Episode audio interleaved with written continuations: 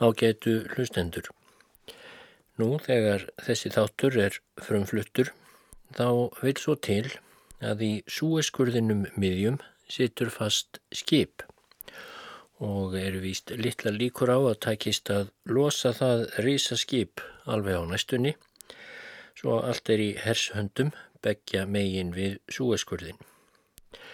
Það vil svo til að fyrir aðeins örfáum veikum þá las ég hér í þessari litlu þáttaröð um siglingu Stengrims Mattíassonar gegnum súeskurðin.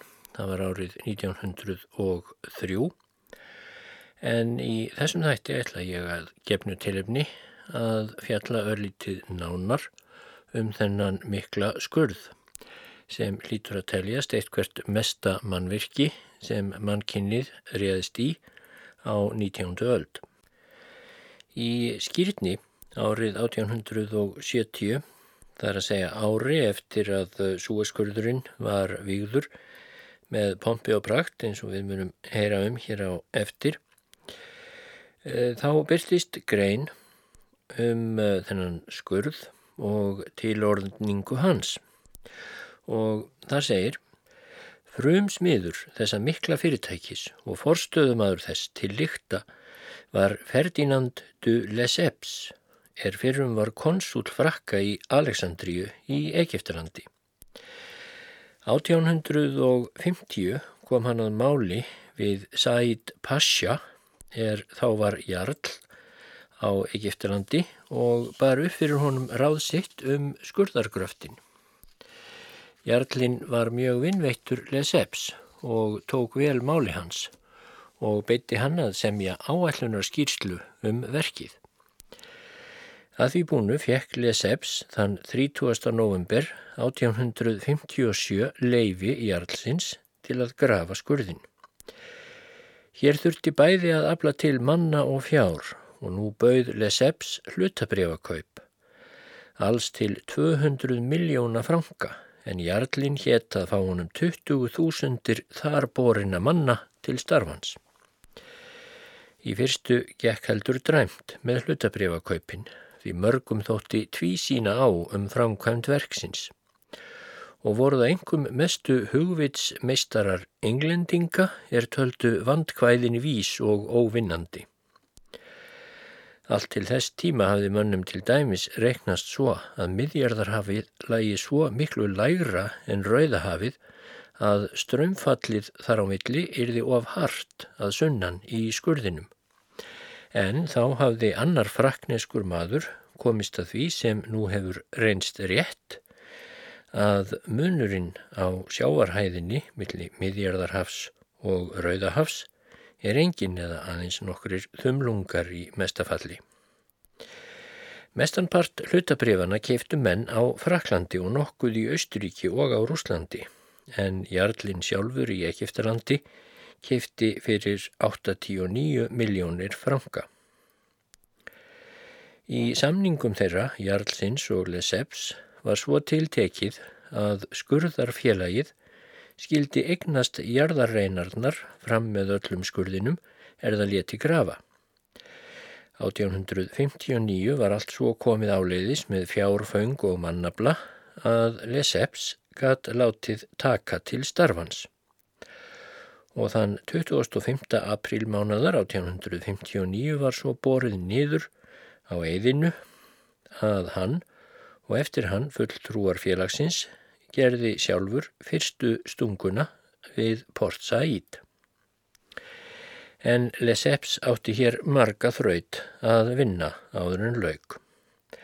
Egifsku verkamennir gáfu stíla en Jarlinn rak þá flesta nauðuga til vinnunnar frá heimilum og atvinnu sinni og það var fyrst árið 1862 að Lesseps gæt fengið svo marga verkmenn sem heitið var.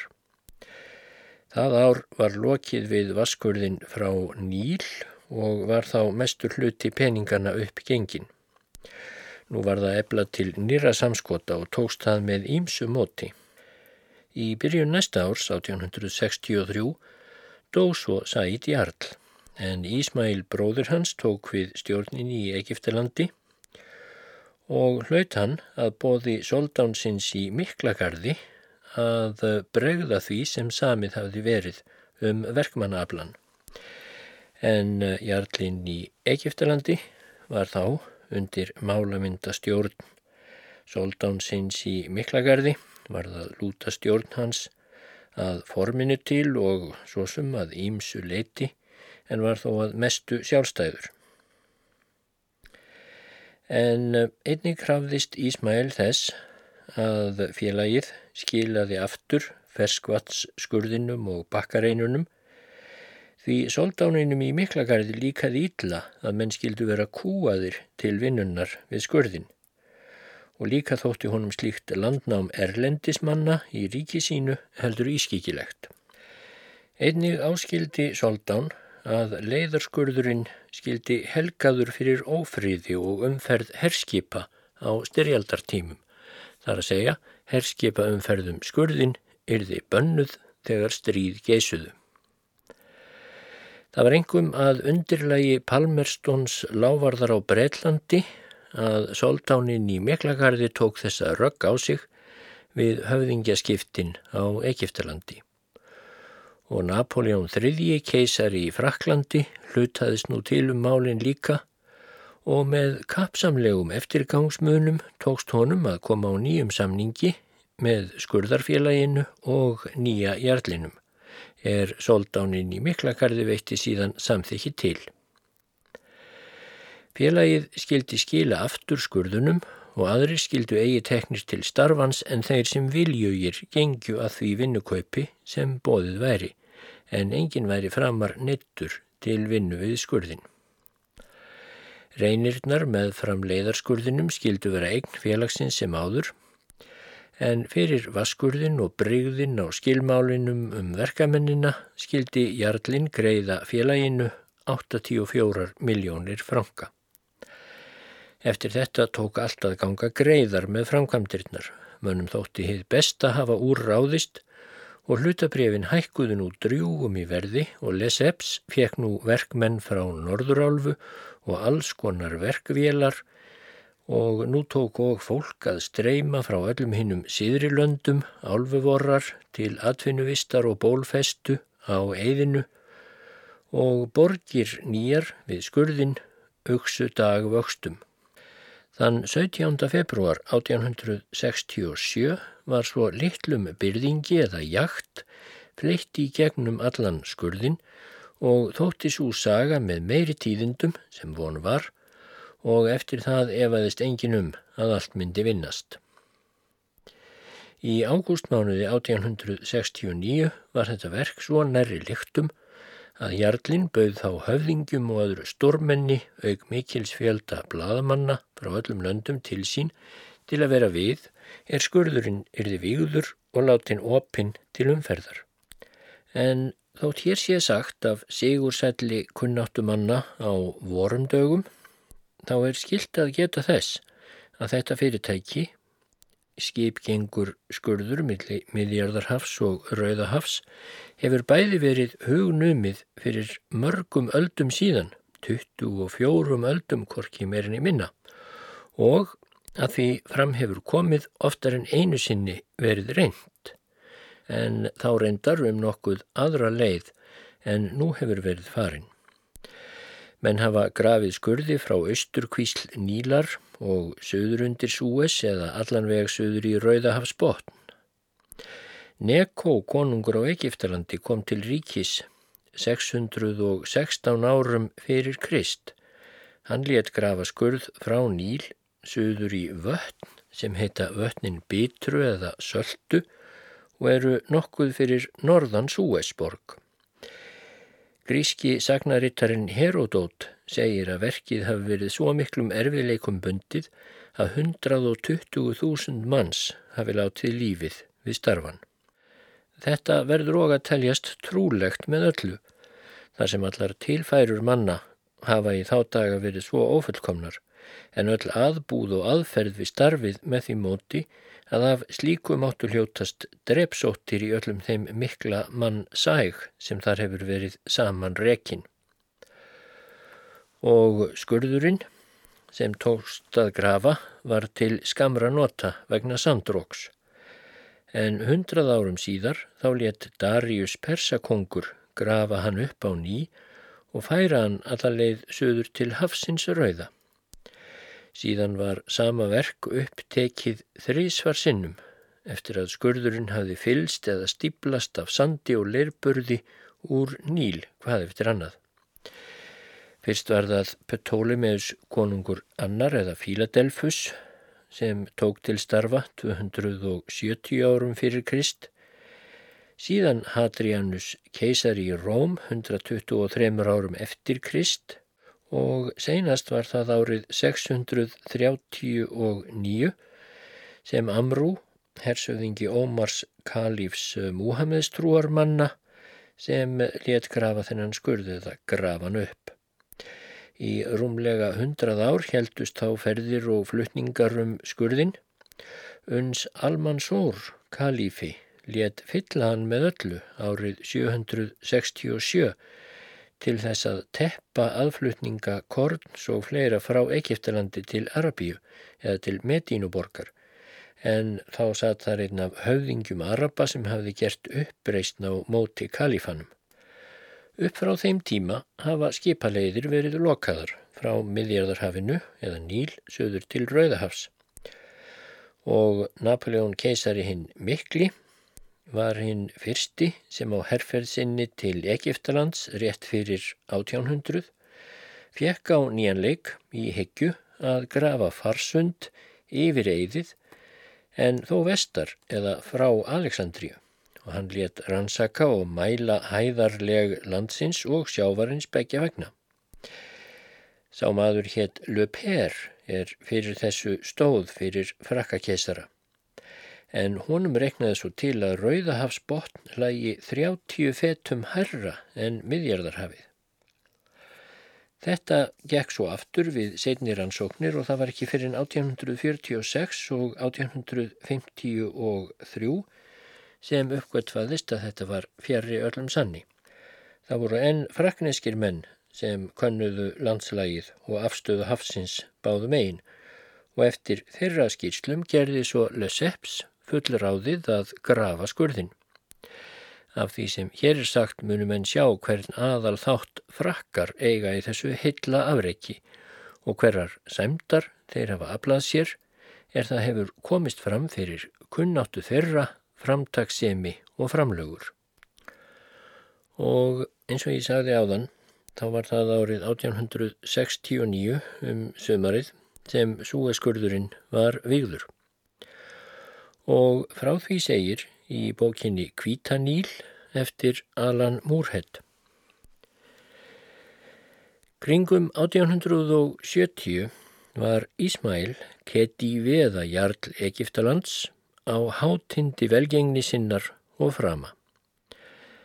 Á ljósmyndum frá þeim tíma horfir Ísmael fram með öryggi og sjálfsánæju eins og feitur og gljáandi selkópur. Árið 1869 var hann 39 ára aðaldri og algjör einvalds konungur Egiptalands. Í orði hvernu var Ísmael vissulega enþá undir konungur soldánsins í Miklagarði og Egiptaland en þá hluti af ríki óttómana en í raun og veru var Ísmael alls ráðandi yfir Nílardal og vissi ekki auðra sinna tal. En hann vissi þó af auðlegð sinni. Í anda Leós Páfa tíunda hefði hann getað sagt Fyrst alla hefur sett oss á stól vísikonungs, þá látum oss njóta þess. Að vísu fannst einum helsta sendimanni bretta í Egiptalandi, Sör Eflin Bæring, Ísmael vera bæði ídla upplýstur og ófyrirleitin. En Sör Eflin var þó að viðurkenna á samt þeim öðrum sem þekktu Ketívan eða Jarlinn að hann var mjög geðugur personleiki og síndi auk þess dugnað í stjórnmála sinna sem var hreint einstæmi meðal austurlenskra þjóðhöfðingja um þær myndir. Flestir þeirra Evrópumanna sem þjónuðu undir Ísmael virtu hann og dáðu staðunum að minnstakosti á hinnum fyrstu ríkistjórnar árum hans. Bæði Samuel Baker og Gordon Hersöðingi, brettar sem unnu fyrir Ketífan á ýmsum tímum og voru báðir kunnir fyrir landkönnuð söður í henni svörtustu Afriku. Þeir treystu Ketifannum og álitu hann mæla af einlægni þegar hann hvaðast vilja útrýma þrælaverslun en það var mikill deiluefni á þeim tíma.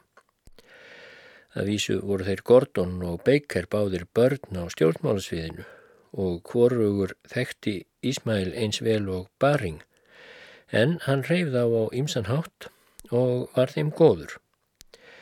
Þeir Baker og Gordon voru afbræðs aðstóðarmenn til að koma því fram sem Ísmæl hafði í huga að veita vestrænum háttum og menningu til Egiptalands og stopna nýtt Egipst nýlenduveldi í Östur Afriku.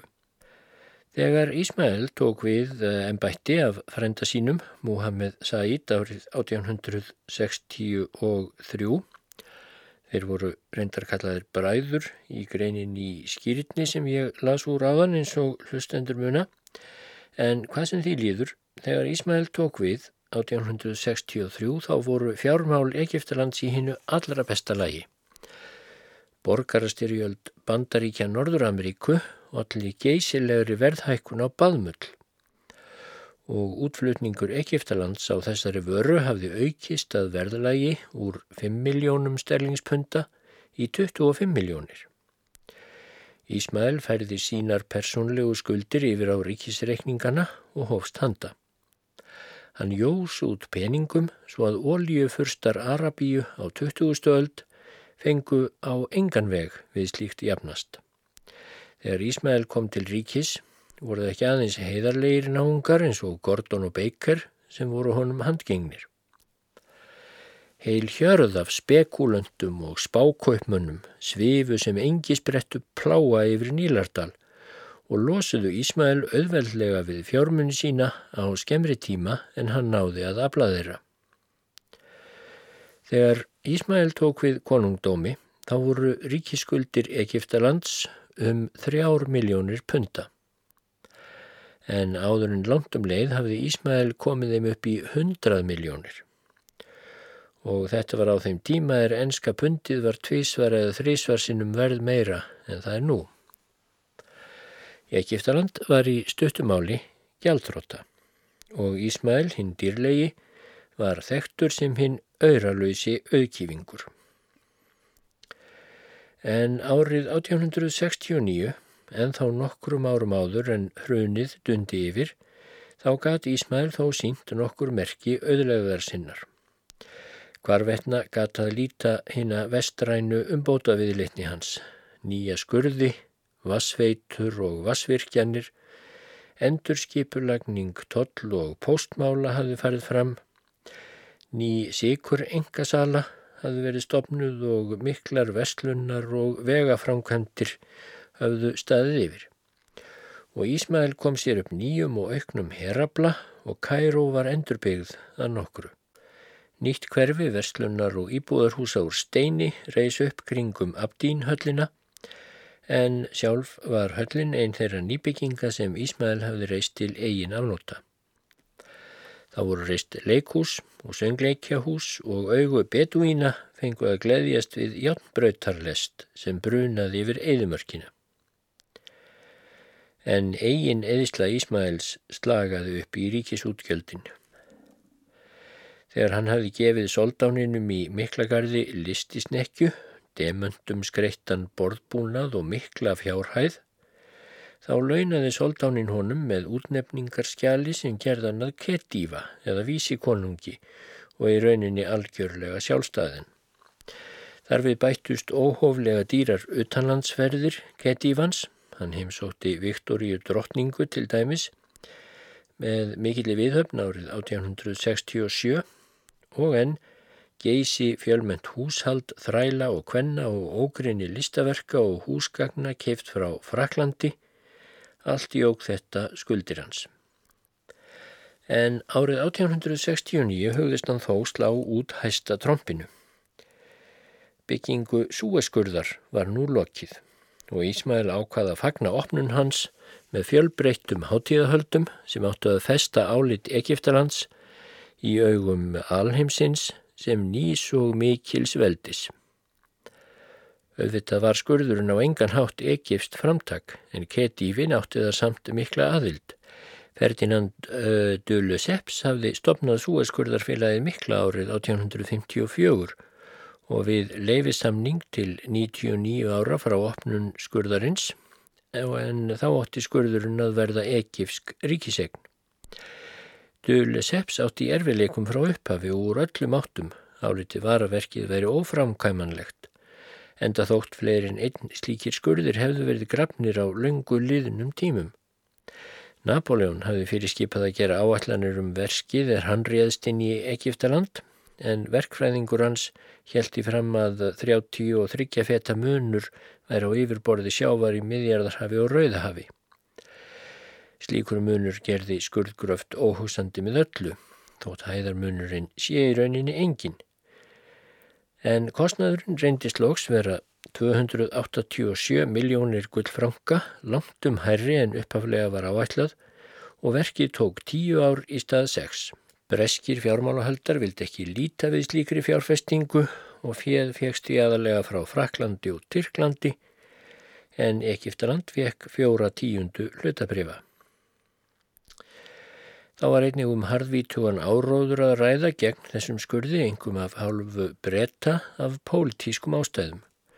Breska forsættistráþarinn Palmerstón var ekkert um það að frakkar næðu fótfestu í hinnum nálægari austurlöndum þar sem hann áleita breskir siglingahagsmunir myndu býða afhróð. Og jafnvel í Fraklandi var því haldið fram að skurðurinn myndi óðar verða þrætu eppli og stríðsvettvangur sem líka sannaðist langt fram eftir 20. stöld. En Lusepps bugaðist ekki, hann náði því fyrir sem þurfti og Kedífin létt honum í tjeheilan her af verkþrælum. Þó voru margir tæknilegir örðugleikar á vegi sem ekki höfðu verið séðir fyrir. Kólarupest kom upp í vinnuliðinu og verkamenn stráfjallu við harðkosti austur ekifsku eðimerkurinnar sem er ein af verstu auðnum heims. En í áslokk 1869 þá var skurðurinn að mestu fullgrafin og engin siglinga þjóðgat látið sig þessa framkvæmt litlu skipta, allra síst brettar. Ferðin til Indlands sem var þeim afar mikilvæg hafði stist um helming og skipti þetta ekki minnstu máli um þær myndir þegar kólum kynnt gufuskip voru óðum að leysa seglskip af holmi.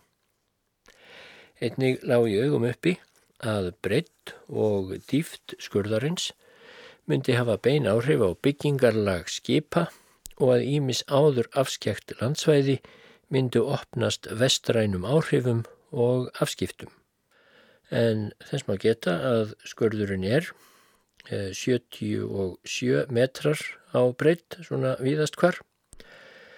Hann er 20 metrar af dýft núadögum, var reyndar ekki alveg eins djúpur í þá daga, en lengdin er 194 kilometrar.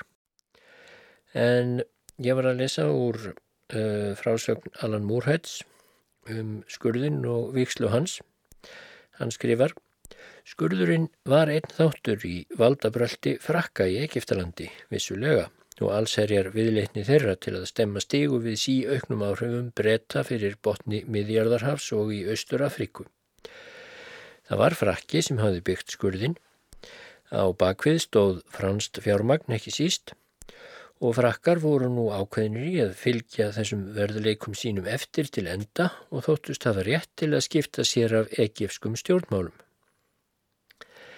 Ísmæl hafði ákveðið að opnunarháttíðin skildi hefjast 17. november 1869 og undirbúningurinn myndi helst á æfintýrin úr 1001 nótt. Háttíðin átt að standa í fjóra daga og fara fram bæði í Kæró og við skurðin sjálfan. Til að afla fjár til háttíðahaldana voru seldar lóðarspildur í hjarta borgarinnar og píramítarnir voru flóðulýstir. Í Port Said við annan enda skurðins voru byggðar þrjár íbúðarhallir, einn fyrir hinn aðstu gesti, önnur fyrir fyrir menn Íslamíta og þriðja fyrir höfuð klerka kristindómsins. Stóreflis byrðaskemma var fyllt af flugeldum og púðurkerlingum til að hefja háttíðina og 500 matsveinar og 100 þjónar voru fluttir inn frá Ítali og Fraklandi til að þjóna gestum. Það sjálfsögðu var ómældur skerfur af hinnum dýrustu vínum og krásum á báðstólum. Við borgina Ísmælja, nálagt miðju skurðarins, var reist ný borg með höll, hótelum og sölubúðum. Það var þar sem floti hinna fínu gesta frá Port Said átti að mæta flotanum frá Suez, borginni við hinn enda skurðarins og þannig skildi táknað að Rauðahaf og Midjarðarhaf tengdust í fyrsta sinn. Vart var við því að búast að slíkur fyrirgangur geti farið fram óhappa löst með öllu síst í Egiptalandi. Í Port Said sprungu flugeldabyrðirnar upp í einu lægi og ollu feikna spjöllum á borginni. Og á síðustu stundu strandaði skip og lokaði skurðinum. En Dule Seps var nú ekki lengi að leysa úr því. Hann skundaði á staðinn á harða brokki og sprengdi flakið í loft upp. En um morgunin 17. november var þó allt tilbúið með fjölda skipa í Port Said borg og skip öll fánum og veifum skreitt. Skurðurinn var blessaður af íslamítum, grískum réttrúnaðarklerkum, koftaklerkum og geistlegum framámannum rómaskatholskrar kirkju. Síðan var hleyft af öllum tiltækum bissum og fallstykkjum, tuttugu herlúðurasveitir, þeittu bumbur sínar og básúnar svo að yfir tók og vaðandi gegnum reik og damp syldi franska keisarfrúin Evgenia. Henni keisaralegu snekkjusinni Ægl í brotti flottans inn í skurðin. En beinti í kjálfar hennar kom svo Ísmael á sinni snekju Marúsa og bar hann konunglegt sverð allsett gimsteinum. Næstur kom svo Östuríkis keisari í kvítri skikju með skásettan grænan hatt fjæðurskreittan, þá fylgdi minniháttartegnar fólk og embættismenn á tveimur austurískum og fimm breskum brinnvörðum skipum, rúsneskum stríðsbáti og fjölda annara farkosta, bæði seglskipa og gufugnúina skeiða, alls var þetta um 70 skipa flotti. Um sólarlag mættust flottarnir við Ísmælja og með mikilli viðhöfn var því líst yfir að Afríka væri nú eiland. Gestirnir heldur nú til veislufagnaður í landi með flugveldasýningum og dansleik uppljómuðum af tíu þúsund ljóskerum og helt flottin síðan áfram til Rauðahafs til að ljúka siglingu sinni.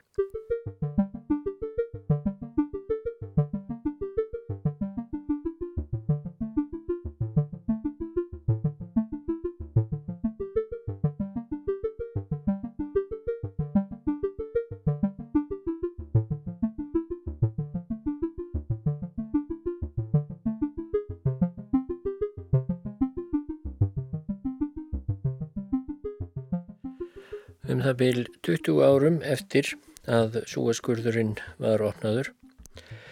Þá átti leiðum skurðin breska skipið Loch Lomond og um borð var Íslandingur Svein Björn Egilson en hann skrifaði síðar frægar uh, sjóferðaminningar sínar sem uh, ég hef lesið úr í frjálsum höndum fyrir einhverjum áratögum en uh, seint á ferli Sveinbjörns þá lág leið hann sem sagt um súeskurðin og ég ætla nú að glugga í frásögn hans hér í þáttarlokk. Lokk Lómund heldur áfram og smátt og smátt breytist litur sjávarins. Miðjarðarhafið er blátt en eftir því sem nær dregur landi gulnar það og verður æg gruggugra.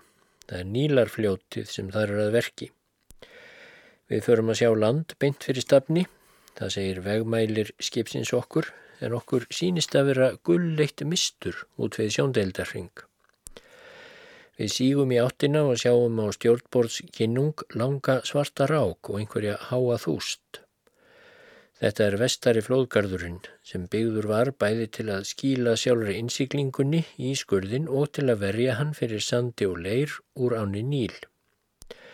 Garðarnir eru tveir, annar er 2300 metra langur, hinn 1600 metrar og ist á Eistrigarðinum var síðar reist hinn afarmikla myndastitta af verkfræðingnum Ferdinand du Lesseps sem stóð fyrir uh, verki skurðarins sem telja má meðal heimsins mestu mannverkja. Stittan er úr bronsi og horfir Lusepps gamli á skurðin sem hann byrjaði að grafa 1859 og laukverkinu 1869. Þá var skurðurinn skipgengur. Hafði kostað 338 miljón krónur og nokkur þúsund mannslíf. Milligarðana sigldum við inn til Port Said Þar var skipinu fest við bólvirki því þar er í fyrsta lagi sínt mælingabref skipsins vegna þess skatts sem greiða skal fyrir hverja smálest sem skipið flyttur, fyrir hvern farþega og fyrir kólaforðan til vélana. Allt það skal greiða fyrir að mega fljóta á skurðinum yfir súeseiðið sem er 184 km breytt. Eru þau gjöld feikna mikil en það er kanalfélagið í mesta blóma. Sömulegis leggur félagi til loðs og rafljós þeim skipum sem ekki eru raflýst en þau voru fá þegar þarna var komið sögu árið 1891. Til vélarinnar voru pantaðar 400 smálestir af kólum. Komu þau í stórum prömmum að skipslið, lagðir langir plankar frá þeim upp á skipið og eftir þeim gekk vinnulíðurinn og bar öll kólin á höfðinu í smá körfum undir umsjón og fórustu verkstjóra eða serangs sem klætur var í síðan slopp svartan, hafði turban á höfðinu og þykka svipu eða písk í hendinni úr nashyrningskinni sem hann notaði óspart á bera fótleiki verkamanna sem genga ekki í takt. Eftir vinnubröðum að dæma munum ákvæðisvinnu hafa verið að ræða því á þremur tímum komuð þeir kólunum í skipið en við vinnuna var mest í sægur manna allir blakkir og af ýmsum kynstofnum, flestir þó Afrikumenn. Skipstjóri og farþegar á Loch Lomond fóru á land og sumir af skipshöfn fengu lefi til að skreppa upp í bæin, meðan kólinn voru látin í skipið og þær á meðal var ég. Einhvern veginn atvikaðist það að við Jenkins brunalismadur örðum samferða. Líklega hef ég álitið það örugar að verundir handarjæðri þessa sterka stóra manns sem í öllum hreyfingum líktist mjög lögreglu þjónum í London.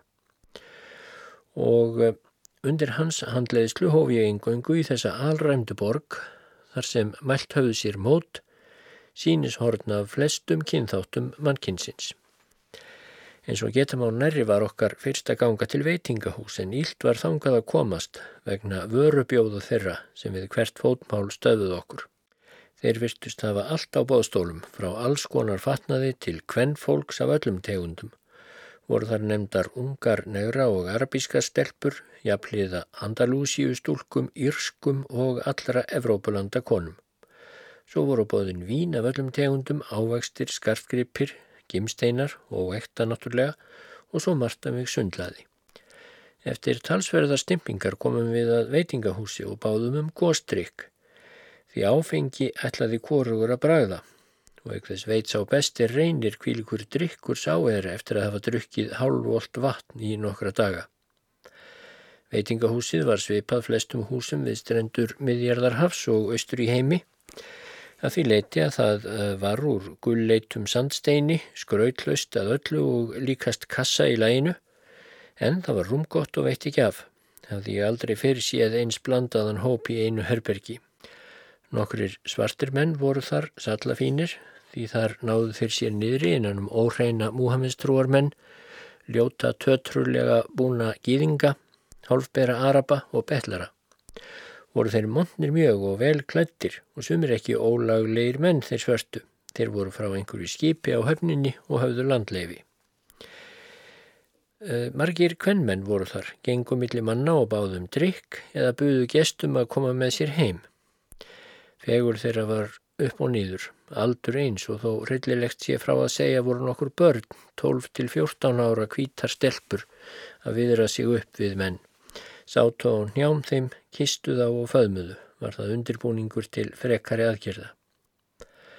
Jenkins mun hafa blöskarað svo sjón því allt í einu slóan í borðið og sagði Amal en piss sem er franska og þýðir frá íllu til hins verra.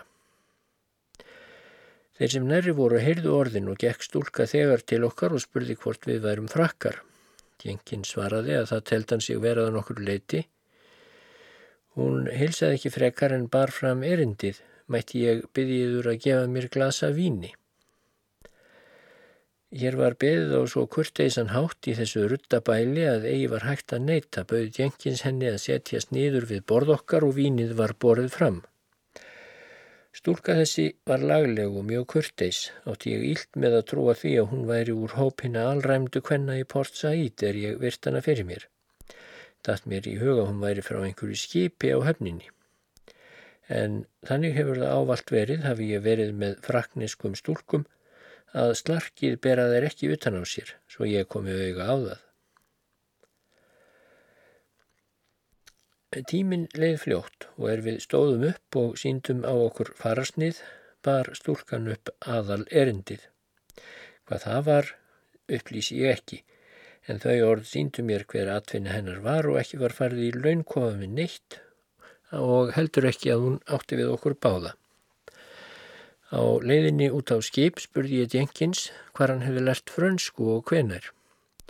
Frættan mig á því að Guernsey væri svo nálagt Fraklandi og samgöngur svo tíðar að flestir eigarskeggjar töluðu frönsku og sama væri að segja um fólk á Jersey en enska væri þó aðalmálið en einnig talaður blendingur. Við örðum fyrir sama ófagnuði á göttunni á leið út á skip og nefndir skipstjórar, lautinandar og fyrstu vélstjórar í hverju orði er verið var að bjóða okkur vörurnar. En Jenkins gekk sinn vana gang og ég í kjálfari hans, hann horfi korki til hægrin í vinstri, fór beina leið og rutti brautina.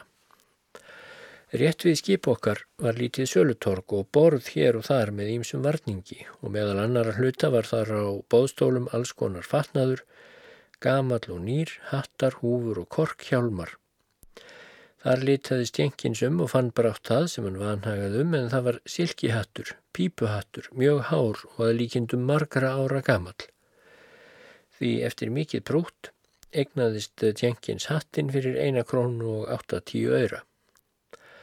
Ég spurði hann til hvers hann ætlaði að nota hattin og hvaðst hann ætlaði að hafa hann á sunnudögum. Á einum stað var okkur bent á leirflöskur brúnar og gular að lit úr sama efni og júrtapottar sem væri nöðsynlegar til að geima í drikjarvatn svo það heldist svalt. Við keftum sína tveikja lítra flöskuna kvor og reyndust þær hið mesta þing. Flestir félagar okkar keftu eins flöskur því nú var búið sig undir hita en ekki kulda.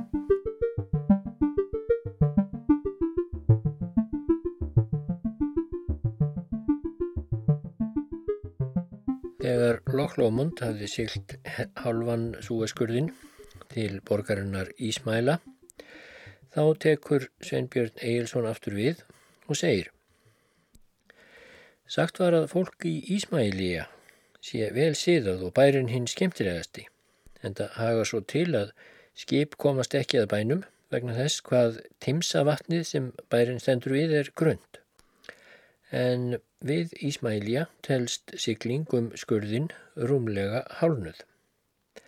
Við bæin endar skurður sá henn gamli sem Luseps bætti og endur nýjaði til að veita drikjarvatni úr áni Níl þangað svo til þess næðist á hendugum stað meðan unnið var að skurðgreftreinum. En þaðan var það svo flutt á úlvöldum til verkamannaflokkana sem púluðu í sandinum.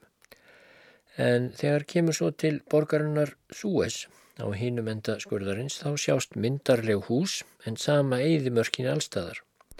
Smá hæðir er við bæin en aðeins gulur sandur hvar sem auga festir á. Þar var engin dvöl önnur en meðan loðsinn var sóttur á skip á guðubát sem dró upp skipunarskip. Og fimm sinnum örðum við að festa skipinu í skurðinum meðan önnur skip fóru framhjá og vorum við alls 27 klukkustundir frá Port Said við norðanverðanskurðin til Suez að sunnan. Okkur fjórum sem stýrðum skipinu gegnum skurðin létti mikið þegar loðsinn fór í land. Það þarf mikla nákvæmni til að stýra eftir skurðinum því skip láta ekki vel að stjórn þegar lítið vatn er undir kili þeirra. Í Súes er líferni manna líkt og í Port Said en þó mun hinn síðarstaður vera methafi í því sem við stundum kollum svínar í. Eftir skurðinum blæs vindur oftast á norðan, eins konar passat eða staðvindur og er leiðin suður eftir vegna þess mjög strempin fyrir þá sem vinna í vél og kinda undir köllum. Því undanhaldinu verður lítið gagnað loftræstingu skipsins en það eru þó smámunir móti því sem nú tekur við þegar seilt er suður Súesflóan. Þar er vanalega kul á norðan en mikill híti svo að vart er verandi á þilfari meðan sól er hátt á lofti. Sólsegl voru yfir öllu skipinu en það kom fyrir eitt. Við sem á þilfari unnum áttum sældardaga samt móts við auðmingja kindarna niður í velinni. Þeim var haldið þrjárstundir niður í einu og áttu sexstundir í frí. Var þeim bannað að drekka tómt vatn en fengu í staðin mjölblöndu kveitiklíð einskonar. Gindarar okkar voru allir breskir og þóldu því ítla þann afskaplega hýta sem var niðri við kallana og virtust nær dauða en lífi þegar þeir voru að skreppa upp á þilfar til að reyna að draga andan, smokka sér úr bolnum og vinda úr honum svitan. Líðan þeirra má lýsa svo að hún var afar slæm. Lokk Lómond leið heldur ekki vel. Það vantaði gufu þrýstingi í vélina svo hraði skipsins komst ekki yfir 8 sjómílur á klukkustund þegar bestlétt en var oftast minni. Má næri geta hvernig hugsað var til ferðarinnar eftir endilöngu rauðahafi sem er meira en þúsund sjómílur. Skipstjóri vildi gera sitt til að létta kindurunum lífið eftir vistina í skurðinum og leta okkur því hætta að nota guðurattið og stýra með handabli aftur á skipinu en vegna báta og húsa og þilfari sáum við ekkert framundan og kompásar aftur á voru treyir til hreyfinga. Fórum við því með skipið út um allan sjó, svo skipstjóra blöskraði og sá í hendi sér að við með þeim krókaleiðum myndum aðeins lengja þjáningar kindar á vélstjóra og leta okkur aftur stýra með gufu og stjórnpalli eftir sólarhingstjórn aftur á. Enda mun lítið hafa munað um þá gufu sem stýrisvélinn þurfti. Það var skipstjórin Stevens sem fyrstur benti mér á fjöll eða gular hæðir í suðaustri þegar við vorum í miðjum súæsflóanum komnir út úr skurðinum. Hann spurði mig hvort ég þekkti fjöllin en ég hvað nei við því. Hann sagði mér að hér værum þrjá tindaðræða þar sem sagt er að Móses hafi ritað bóðorðin tíu heita þeir Katarína, Serbal og Djebel Musa sem henn halda að sé hitt gamla Hórep en fjallið er Sínai, hitt frægasta og ljótasta fjall í heimi. Djebel Musa er hæst 2600 metrar. Ég fór þá að taka eftir fjöllunum eftir því sem við nálguðumstau. Ég er Sínai fjallið hreikalegt og vissulega ljótt. Sama gula eðimörkin upp undir fjallsrættur fjallið gullt af sandi alla leið upp á efstu tinda, stór gilíði hér og þar. Ég var í guðrækilegum hugleðingum daginn sem við fórum fram hjá þessum fræga stað, en taka varði ég undir með skipstjóra að ljóttir fjallið og umhverfið. Á nýjunda degi frá því að við lögðum að stað frá Súes, þegar við komum út úr Súeskurðinum, þá komum við til Aten sem er síðst í Arabi og telst til fylgisins Jemen. Það var sá staður sem skipstjórin Stevens kallaði helvíti á jörðinni. Fjöldi skipa var í höfninni og lágu fyrir akkjörum, voru flest gufuskip, en arabískir farkostir voru þar einnig sem siglt var með ströndum fram og um Rauðahafið. Kringum aðein er fjöllót og þeir sem landalýsingar rita telja borgin að standa inn í gömlum eldgík en við sem komum þangað í hverstagserindum myndum segja svo frá að borgin væri í dal sem luktur væri sandhæðum á þrjá vegu og opin móti sjó. Hvar sem auga á festir er sandur en fjallendi mikið er þar inn í landi og frjósamt mjög. Sýndu það alls konar ávextir sem bóðinir voru til sölu bæði í borginni og út á skipunum. Frá skipi okkar til lands var tæpur einn kilometr. Afgreðsla skipsins, hinn lagarlega, fór fram að öllu leiti eins og á höfnum Evrópu. Læknirinn sem kom út á skipið taldi alla heilbreyðu um borð en varaði við ímsu, til dæmis að sofa ekki á þilfarinu, hafa sem minnst mög við hvern fólk á landi, borða ekki sérstakar ávastategundir og gæta þess að drekka ekki vín það sem borð var fram á veitingastöðunum við lendingarstaðin. Og lögreglan varaði við þjófum sem reyndi að komast upp á skipinu á nóttunni og riði til að halda góðan vörð. Skipsmenn komu öllu fyrir sem þurfti til að koma kólunum úr skipinu en yngri bómum mátti lifta fyrir en formaður kólavinslunar hafði grand skoðað keðjur og kaðla og væri vissum að allt væri traust. Þá aðferða eftir hvarvetnað við hafa þar sem menn vinna í farmrúmum.